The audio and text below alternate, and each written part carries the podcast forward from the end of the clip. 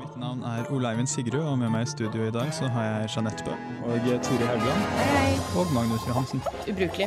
Dyrets tegn i fallen, altså. Ja. ja. og jeg er enig i at det er en veldig spennende idé. Molekyler med rare navn. Populærvitenskap gir labdidab. Du er en av dem. Uillustrert vitenskap.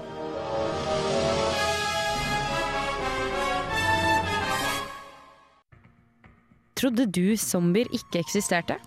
Tror du Pepsi Raw kun inneholder naturlige ingredienser? Hvor langt tror du du egentlig ville gått for å redde en art fra sikker utryddelse? Tror du noen av disse spørsmålene egentlig henger sammen?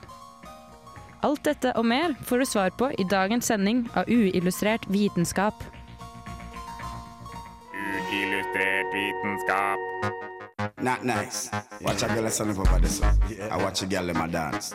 Like a she star sisters. Come up, come up, when I come up, when I come up, when I come up, girl, stop. And let me tell you something, girl. Hei og velkommen til enda en sending av Uillustrert vitenskap. Jeg heter Turid Haugland, og i dag er det meg og Ole Eivind Sigrud som eh, styrer showet. Hallo! Hei, hei. Eh, vi skal som tidligere nevnt innom ting som eh, den nye brusen Pepsi Raw. Ja. Ja, og utrydningstruede nesehorn, Mm. blant annet. En kreativ løsning for å eh, bekjempe det problemet. Ikke Ja. sant? Men først av alt, eh, zombier. Vi skal prate litt om det. Fordi i fjor var det blant annet en ny zombiebølge. Det var voldsomt mange zombiefilmer. det var det. Det var til og med zombiebøker, og det var på en måte en eh, nyfisering av eh, zombier. Nå Men man kan jo aldri gå lei zombier. Du kan ikke det. Det er alltid nye måter å fornye den på, ikke sant? Mm. Nå kan jo kanskje lytterne tro at vi skal gå inn i sånn, ja, hvor, eh, hvor oppsto denne myten om zombiene? Eh, det, det skal vi faktisk ikke gå inn på. Det har mange gjort før. Vi kan jo også nevne at det har noe med voodooer og Haiti og sånne ting å gjøre. Afrika Ja.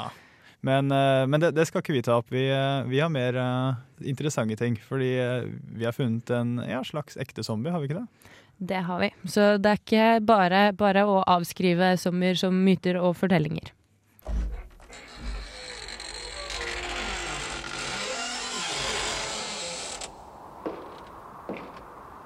Zombier. Hva er det ikke å elske? Smittebefengte dyr og mennesker som sprer sitt virus over verden som svartdøden selv. Og til tider er zombiene overalt i vår verden. I fjor ble vi truffet av en zombiebølge atter en gang. Vi kunne finne utgivelser som Paul is Undead, britiske zombie-pop-idoler, og Zombieland, action-komediefilmen verdt å se. Men hva med ekte zombier?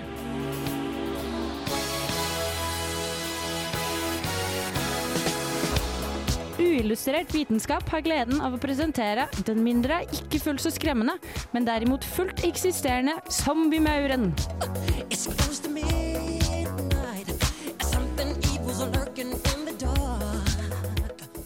Bare tenk deg, ute i regnskogen. Møren tripper ut av sin tue for å hente mat langs sin vante rute. Det er en solfylt, men likevel kjølig dag. Men plutselig dan, dan, dan, da. Mauren blir slått av noe.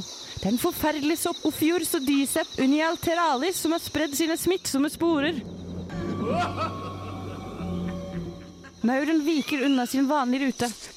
Den forlater sin tue. Den er ute av kontroll. Hvor går den hen? Over blader, busker, stammer, trær, stilker, røtter, til den kommer til den onde soppens favorittblad. Langt nede på bunnen av skogen. Den klatrer opp på bladet og fortsetter deretter til undersiden, hvor den tar sitt siste innpust og biter et siste dødshugg. Men fortellingen slutter ikke der. Mauren sitter død fast til bladet, men likevel en bevegelse. Den onde soppen er fortsatt til verks. Den vokser ut av mauren og slipper ut flere smittsomme sporer og smitter flere maur.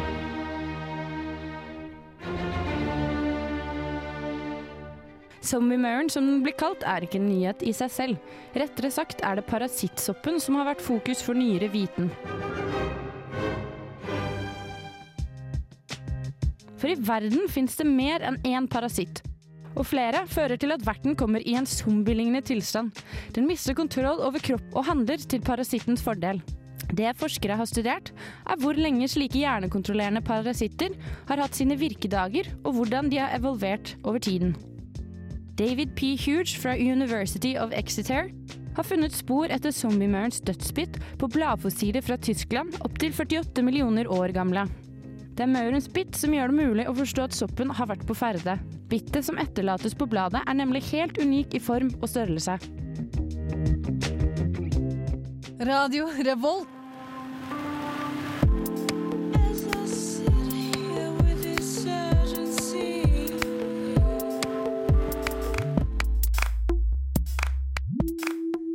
Yes, det var Andre Triana som akkurat har kommet med nytt eh, album. I juli, faktisk. Eh, låta het uh, A Town Called Obsolete. Um, vi uh, Ja, dere fikk akkurat høre min uh, sak om zombiemaur. Ja. Fordi det finnes jo en del parasittisme ute i verden. Parasittisme? Ja. Uansett. Eh, parasitter. En god del parasitter, ja. Ja, som faktisk gjerne kontrollerer uh, ulike typer dyr. Er- Gjerne insekter. Ganske creepy, egentlig. Og uh, er det. utrolig, utrolig kult. Veldig fascinerende. Det er det. Fordi du får uh, dyr som ikke vet hva de gjør lenger. De handler etter da parasittenes ønske. Mhm. For å liksom fremme eller spre genetisk materiale, gjerne, blant annet. Eh, du har jo funnet eh, en annen form eh, for zombif zombifisering, Ja. hvis man kan si det. Eh, Det er jo ikke bare sopp som oppfører seg som sånn mind controlling parasitter. Da. Du har en type flatorm som heter Ja, nå skal jeg holde tungen rett i munnen. Leukokloridium paradoxium. paradoxum. Den tar over snegler. Den ja, danner en sånn slags sekk med masse sånne smågreier som da presser seg inn i eh, tentakelen, den ene tentakelen på sneglen tar over kontrollen, eh, styrer den da opp på et blad. Og eh, når den kommer da ut i lyset, så vil eh, denne sekken med sånn, eh, disse små parasittene, eh, den vil begynne å pulsere. Og eh, når den pulserer, så ser det litt sånn ut som en larve. Og det tiltrekker da fugler. Ja. Eh, så da kommer det en fugl, drar av den ene tentakelen, eh, spiser den. Eh, og så vokser det ut flere tentakler, så det her kan skje flere ganger. Eh, fordi resten av den parasitten den er jo inni sneglekroppen. Og så kommer disse parasittene inn i fuglen. Der begynner de å formere seg, fordi det er et miljø de trives godt i. Og så slippes det ut egg i fugleavføringen. Og så kommer det jo en snegle, spiser den avføringen, og så er det på'n igjen. Så det går, eh, Det går i- circle of går life, da, med andre ord. Ja. Men det er litt morsomt. Du kan faktisk se at sneglen er påvirket av parasitt. Det ser veldig dramatisk ut, fordi det, det kommer sånn pulserende striper, og det, det ser skikkelig dramatisk ut. Og, Uh, Uh, ja, uh, YouTube it. Uh, det, det ligger noen videoer der ute hvis du søker på parasitter. Ja, Eh, da det- gjør det. Fenomenet om å få det til å se ut som en larve her, er jo et eksempel på det som kalles da aggressiv etterligning. Mm. Eh, fordi den da etterligner noe som, eh, som da den som det miljøet den har lyst til å være i, eh, spiser. da. Men den, det er liksom motsatt av den vanligste formen for aggressiv etterligning. Eh, den vanligste formen er jo da at eh, Si en eh, edderkopp eh, får noe til å Eller en fisk, da. har en sånn greie foran seg som Mhm. da ser ut som en mindre fisk som andre har lyst til å spise. Mm. Sånn at noen tror de kommer til å spise den, men så viser det seg at nei, det var bare en del av et større dyr. Og så er det det store dyret som spiser den isteden. Ja, Mens det- den her er faktisk Ja, nå ser det ut som noe som er spisbart. Og det er spiselig. Eh, så, Så det er en helt annen form. ja, men du hadde jo en uh, annen uh, kul larve som uh... Ja, den syns jeg faktisk ganske synd på. Det er da en larve som blir infisert av veps, fordi de pleier å legge egg litt rundt omkring. Veps er fæle- andre, De er det. De pleier å legge egg i andre verter, da. Uh, og så kan eggene vokse inni larven. da. Uh, det som skjer først, er at larven begynner å spise veldig mye, type 10-12 dager. Uh, så den blir veldig feit. I tillegg så har den jo da en rekke egg, type 30 egg inni seg. Og dette er ikke en veldig svær larve. Den blir veldig tjukk da etter hvert pga. disse eggene. Så klekker eggene, og de vepselarvene lever da inne i den tjukke larven og begynner å spise og leve av blodet dens og sånn. Dette gjør de da en stund mens de vokser opp, og det de faktisk eh, passer veldig på da, er å ikke ødelegge noen vitale organer inne i larven, da. Sånn at den kan leve med de inni seg. Eh, og til slutt så utvikler de da type sånn nebbaktige munner. Eh, og så spiser de seg da ut av larven samtidig. Dette høres veldig grotesk og ekkelt ut, og det kan jeg love det er det. Eh, og når de, når de da er kommet ut, så tar de vespelarvene og eh, lager sine egne kokuner med en gang. Så blir det en klump med masse vespelarver og blandet i kokuner. Og innen denne tiden så er den stakkars larven også hjernevasket um, til da å lage sitt eget beskyttende teppe rundt alle disse vespelarvene. Yes. Uh, og de er jo veldig Altså, uh, i et risikoområde, de vespelarvene kan jo ikke beskytte seg eller noen ting, og er faktisk utsatt for parasitme, parasitti, andre parasitter og i tillegg andre insekter som ønsker å spise dem. Men det den larven gjør da, er å liksom ligge oppå de kokongreiene og Bruker den som bodyguard, rett og ja, slett. de, de bruker den som bodyguard, rett og slett. Så den begynner å angripe alle insekter som begynner å nærme seg, og beskytter de, da. Herlig. Ja. du har jo også en, eh, en annen sånn eh, parasitt som eh, da gresshopper eh, får i seg sånne mikroskopiske eh, parasitter da, før de har vokst seg store. Og når de Mm. kommer da inn i en gresshoppe, så eh, vokser det seg plutselig store. Da kan de bli en god del lenger enn gresshoppen selv. Um, men eh, det, det de får den til å gjøre, det er å hoppe ut i vann. Og så drukner den stakkars gresshoppen. Eh, og så eh, forlater da parasitten gresshoppen, og da er i vann, og det er der den formerer seg. Ja, Så enkelt og greit. Det er ikke så veldig hyggelig. Bare ja. de bruker kroppen din, og så blir du liggende død igjen etterpå. på en måte. Mm. Men Hva tror du ville skjedd hvis vi hadde blitt infisert av zombie- zombieparasitter og blitt til zombier? Nei, heldigvis så har man jo faktisk hatt eh, noen matematikere som har eh, regnet på nettopp det. Hva vil skje når zombier eh, eh, tar over verden? Hvorfor? Susanne Sandell, som jobbet i Illustrert vitenskap for eh, halvannet år siden, hun eh, tok for seg det.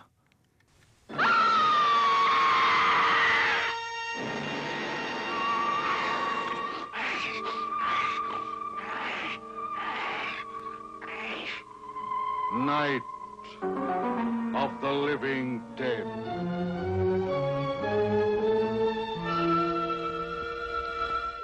Til tross for at et zombieangrep er en av de minst sannsynlige måtene jorda vår kan gå under på, har ikke verdens vitenskapsfolk latt scenarioet være helt i fred. Fire kanadiske matematikere har nemlig gjort en analyse på hvor fort et zombieangrep ville kunne gjøre ende på menneskeheten. I modellen sin brukte de biologiske antakelser henta fra zombiefilmer, som f.eks. George Romeros 'Night of the Living Dead' fra 1968. A night with the dead who cannot die. I studiet har de gått ut ifra at når en zombie biter et friskt menneske, blir zombiens spytt tatt opp i blodet til mennesket, som gir en infeksjon. Etter noen timer har gått, har det friske mennesket blitt forvandla til en zombie. Varianten av zombie som man har sett på i denne studien, beveger seg sakte og er ikke spesielt snartenkte. Etter å ha brukt masse greier vi sivilingeniørstudenter har lært i matte 3 og IT grunnkurs, kom de kanadiske matematikerne fram til at dersom man ikke fant en kur veldig raskt, ville zombiene infisere alle mennesker på svært kort tid. Til tross for at de er dumme og råtnende, vil vi altså ha en forsvinnende liten sjanse for overlevelse. Så hvis du noensinne har lurt på hva MATLAB, determinanter og egenverdier kan brukes til, har du nå svaret. Du kan vite hva som skjer når de levende døde angriper.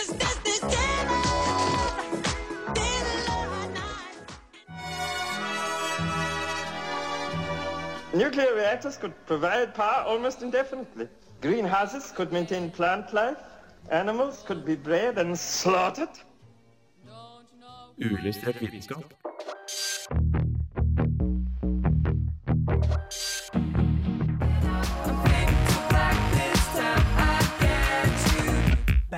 Radio Revolt. Ja, der hørte dere akkurat uh, Thelma and Clyde, Crosscheck Feature, Salvador Sanchez. Woo. Yeah. Eh, ja, uansett. Uh, det har jo akkurat vært studiestart. Eh, Da har sikkert folk merket hvor utrolig mange merker og butikker og restauranter og sånn som peprer deg med reklame over alle de fantastiske produktene sine. Og det er ett produkt spesielt som har vært ekstra aggressivt. Ja, jeg er helt sikker på at alle har fått med seg Pepsis nye brus, Pepsi Raw, som da gir, gir seg ut for å være cola, men kun med naturlige ingredienser. Ja. Og dette ordet 'naturlig', eh, hva vil det egentlig si, tror du? Nei, det er det jeg også egentlig litt lurer på. Da. Det, altså, er det et meningsfullt begrep sånn i det hele tatt? Eh, fordi det, det gir jo en veldig sånn intuitiv mening med å ja, det er naturlig, ja, da er det ikke kunstig. Ja. Men, men hva betyr egentlig kunstig? Nå kan det jo også nevnes at på alle colaflasker så står det jo at den har vært eh, fri for eh, Eller den inneholder ingen kunstige tilsetningsstoffer siden 1886. Eh, og det, var tydeligvis ikke noe hinder for at Pepsi skulle lansere dette som noe nytt og revolusjonerende. Da. Uh, det står også ingen kunstige konserveringsmidler, men Det det, er jo det. ingen brus som har det, fordi de har jo sukker. Du trenger ingenting. Uh, men, men utover det, da, så er det litt sånn Hadde det hatt, hatt noe å si om det var noe unaturlig oppi? Og hva i det hele tatt er unaturlige ting? Man ser jo på det som Ja, det er jo ting vi syntetiserer, ting vi lager. Mm. Men det blir en veldig sånn glidende overgang, da, fordi det er jo ting vi finner i naturen som vi da også lager. Ikke da sant? er det ingen forskjell. Ikke sant? Eh, Og det er ingen som lager noe som skader folk heller, går jeg ut ifra. Nei, eller Derfor har man jo Mattilsynet og sånn, da. Eh, Ja. Så, de, eh, Så de må passer jo jo sjekke på. opp sånt. Men det kan jo også nevnes at alle de sterkeste giftene vi vet om, de er jo også helt naturlige. Arsenikk, det er helt naturlig. Så dette her er egentlig eh, altså et eksempel på den naturalistiske feilslutningen. Når folk hører at noe er naturlig, så tenker de nødvendigvis at det er godt, eller det er sunt. Spesielt sunt da, nå i disse dager. Mm. Uh, og hvis det er unaturlig, ja, nei, da, da er det farlig for oss. Da er det ikke sunt. Um, så jeg ville egentlig gjerne blitt kvitt hele begrepet da, naturlig i markedsføringen, fordi det gir et falskt inntrykk av at med en gang det står at dette er naturlig, så er det sunnere, det er bedre. Mm. Du blir det- rett og slett lurt. Så det er ikke bare meningsløst, men det er også misvisende. Og eh, nå For noen år siden så bestemte jo Forbrukerombudet seg for at uh, å bruke ordet miljøvennlig i markedsføring av biler, det, det er ikke lov. Ikke, selv ikke for elbiler. De er jo miljøvennlige. Ja, ja det er fortsatt eh, mindre miljøvennlig enn å gå. Eh, så det, de er ikke, det, er ikke, det er ikke miljøvennlig i seg selv. Nei, å Eh, lage en bil og produsere flere biler og Så jeg, jeg stemmer for å innføre det samme om naturlig. Du gjør det. Ja. Men eh, vet du noe om ingrediensene inni Pepsi? Er det, er det dårlig for deg, eller er det, er det Nei, bra for deg? Fordi Når du hører naturlig, da tenker du jo med en gang at det er nesten bra for deg, som å ta vitamintilskudd eller spise et eple. da. Mm. Nei, men det er vel egentlig akkurat som vanlig brus. Du har eh, sukker og eh, kullsyreholdig vann. Og så har du eh, det de sier naturlig farge og naturlig aroma, som da betyr eh, eh, Eller for fargene så er det karamell, samme som i Coca-Cola. Og så har de i tillegg litt farge fra epla, eh, som gjør den litt lysere, visstnok. Um, og så har de da noen naturlige aromaer, som f.eks. naturlig koffein. I motsetning til falsk, sånn syntetisert koffein. Det og så- um, har de da naturlig colaekstrakt, som jo også alle andre colaprodukter gjerne har. Så, så jeg kan egentlig ikke se noe på ingredienslisten som uh, er noe sånn spesielt for den brusen. Og kaloriinnholdet for eksempel er jo akkurat det samme som alle andre bruser. da. Hmm. Så egentlig er det vel like usunt som alle andre bruser. Og, ja, Så, rett så hvis du liker den, for all del, drikk den. Uh, men, Men er- men ikke, brus er brus. Ja, ikke tro at det er noe annet enn vanlig brus. Nei, det, det er jeg enig i. Det jeg også syntes var merkelig, var at de tok med cola i reklamen. faktisk, At de fikk lov til å bruke den. I Mm. slagordet sitt så sier de jo at Ja, men det er eh, ja, er Coca-Cola får de ikke lov til å bruke, men Å, ja, cola ok. er ikke et Fordi det er en eh, ja. Men du gir jo referanser uansett, så det Ja. er utrolig sånn finurlig Ja, sånn slagord de har fått på den brusen her. Det, ja. ja. Skal ikke klage på det.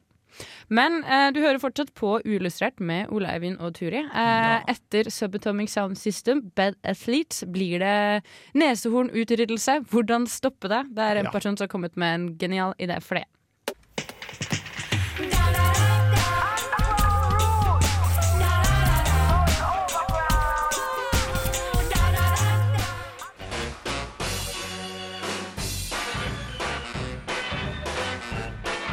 Hei, eh, jeg heter Petter Skjerven, og jeg lytter til Illustrert vitenskap på Radio Revolt så ofte jeg bare kan. Uillustrert. Veldig bra. Hei, jeg heter Petter Skjerven, og jeg lytter til Uillustrert vitenskap på Radio Revolt så ofte jeg bare kan.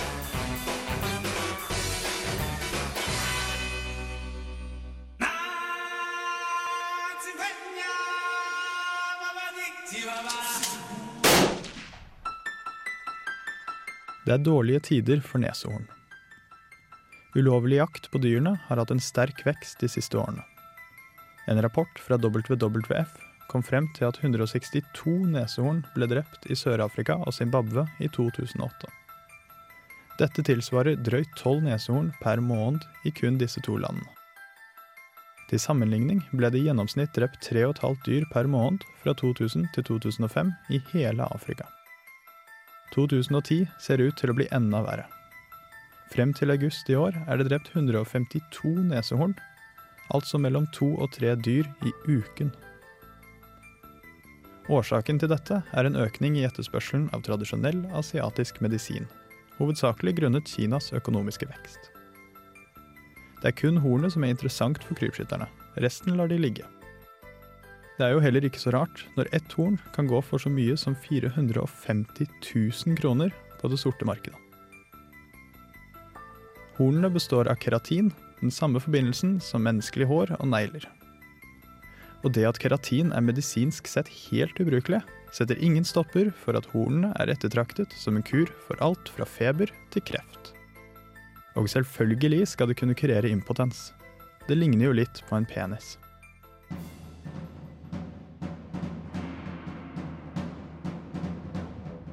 Man har forsøkt å bekjempe krypskyttere i lang tid nå, med merkbare resultater. Med de siste årenes økning av ulovlig jakt har fått Ed Hearn, eieren av Neshorn- og Løve-naturreservatet ved Johannesburg, til å sette i gang drastiske tiltak. Hearn vil sprøyte cyanid inn i hornene for å gjøre det mindre attraktive for krypskytterne. The idea would be to get somebody to actually die or to make him violently ill in the process. In other words, if, if a guy eats it in China and he falls violently ill from, from rhino horn, he's not going to eat rhino horn again. Dette mener han ikke skal være skadelig for nesehornene, siden det ikke finnes noen blodårer i hornet som kan frakte giften til resten av kroppen. Men for å være sikker utfører han nå prøver på ett enkelt dyr for å forsikre seg om at han ikke tar feil. We're doing those tests at the moment. We've got a, a rhino in isolation and we're injecting a little bit of, of, of, of uh, the material into him on a daily basis and see what reaction he shows. Det er to ulemper med denne løsningen. Giftige horn vil ikke være en stopper for alle krypskyttere. Selv om asiatisk medisin er det største bruksområdet, er hornene også ettertraktet i Midtøsten for å lage slirer til seremonielle dolker. Det er også usikkert om Hearn kunne risikere straff for mordforsøk dersom noen skulle bli forgiftet av et slikt horn. Det var eh, å gå veldig langt for å redde noen eh, dyr. Jeg må si akkurat den ideen der var så genial at den, den støtter jeg med. Altså. Fordi folk skal jo ikke eh, hakke løs på disse hornene deres og bruke dem i en medisin som ikke funker. Det er faktisk så, sant. eh, så hvis de da dør, så er, har de brutt loven, i hvert fall.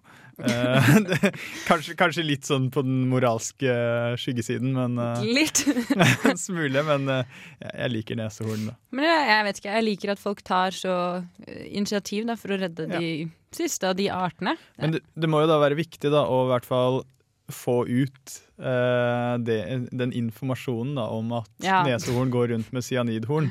Uh, sånn at det virker avskrekkende, sånn at det ikke er sånn at masse folk må dø før de plutselig innser å ja, den cyaniden ja, den kommer fra hornet.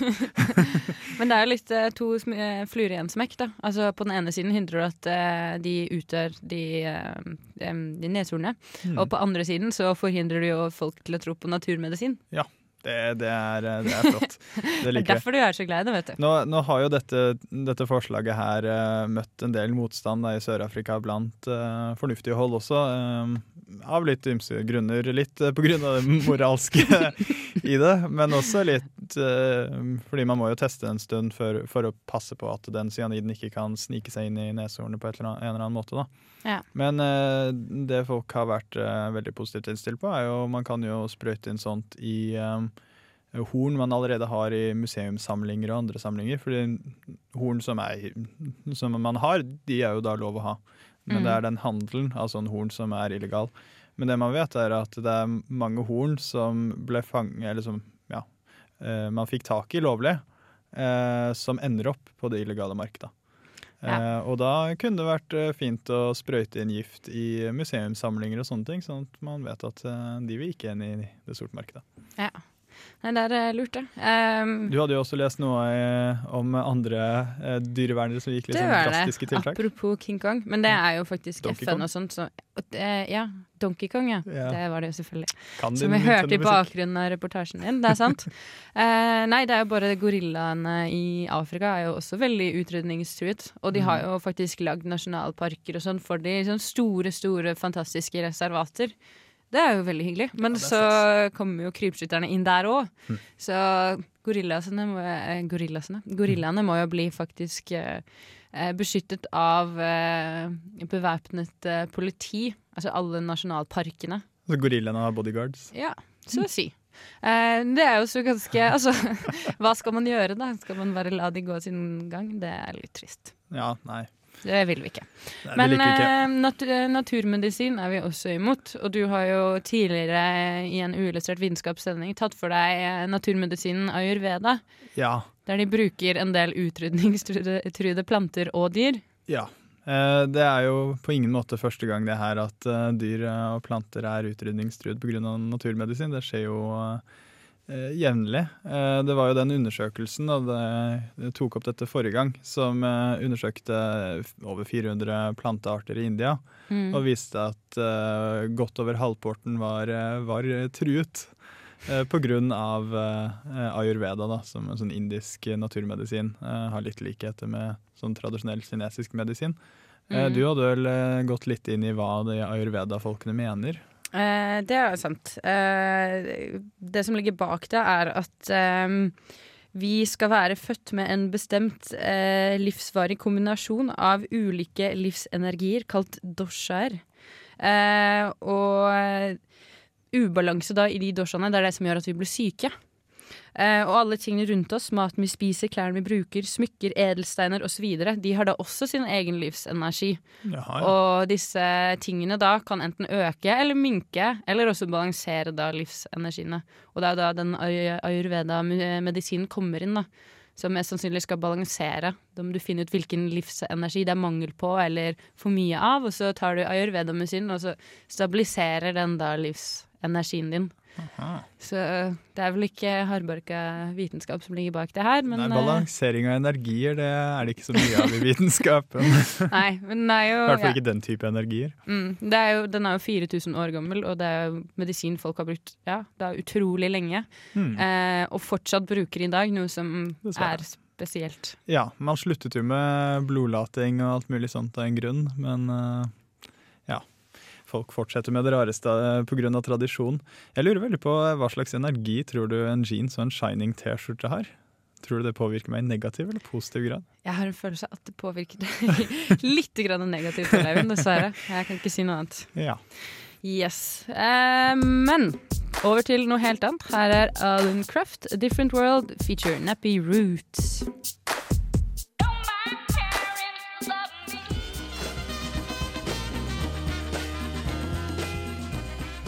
Der hørte dere The Buddhist Band Unbroken Unshaven. The Buddhist Band har også kommet ut med ukas album The Buddhist Band 3. Funky greier. Ja, veldig.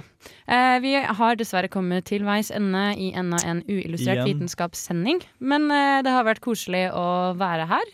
Eh, med deg, Ola Eivind. Takk jo, til i deg. like måte, Turi. Eh, vi har pratet om eh, mye forskjellig. Naturmedisin, som alltid vi er imot det. Ja. Pepsi Raw, som utgir seg for å være naturlig. Ja. Du vil rett og slett fjerne dette ordet, du, fra ja, det er så meningsløst. Vekk med det. Vekk med det. Det er sant. Så tenkte jeg to ganger om før du kjøper et eller annet som visstnok skal være naturlig. I hvert fall hvis det er motivasjonen for å kjøpe det. Det er ikke motivasjonen god nok. Sant. Mm. Uh, I tillegg har vi jo pratet om de aldri Og parasitter og zombier og sånn. Utdødelige zombiene, ja. Eh, vi har også fått høre en del tips om hva du skal gjøre for å unngå å bli smittet av en zombie hvis dette da skjer. Eh, og hvis ikke du da fikk med deg denne reportasjen om det, så må du jo selvfølgelig gå inn på iTunes og Ja. laste ned podkasten for eh, denne sendingen.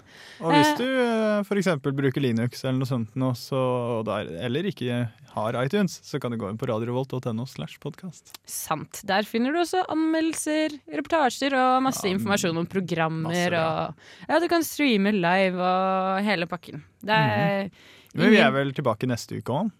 Ja, det er vi. Samme tid, samme sted. Eh, sant. Eh, takk til deg, takk til meg. Turi Haugland har også vært tekniker. Og takk til eh, Susanne Sandel. Sandel, ja. Sandel, ja. Som ga oss disse fantastiske tipsene mot zombier. Ja. Yes. Ha det godt. Ha det bra.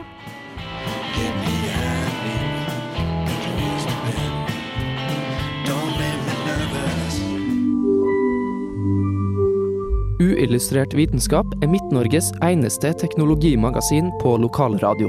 Og vi snakker om alt fra populærvitenskap til sære forskningsprosjekt ved NTNU.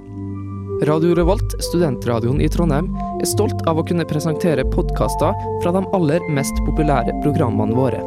Hvis du har lyst til å høre mer fra Radio Revolt, hvem vi er og hva slags musikk vi spiller, så kan du høre oss på FM-båndet i Trondheimsregionen, eller streame sendingene våre live på radiorevolt.no.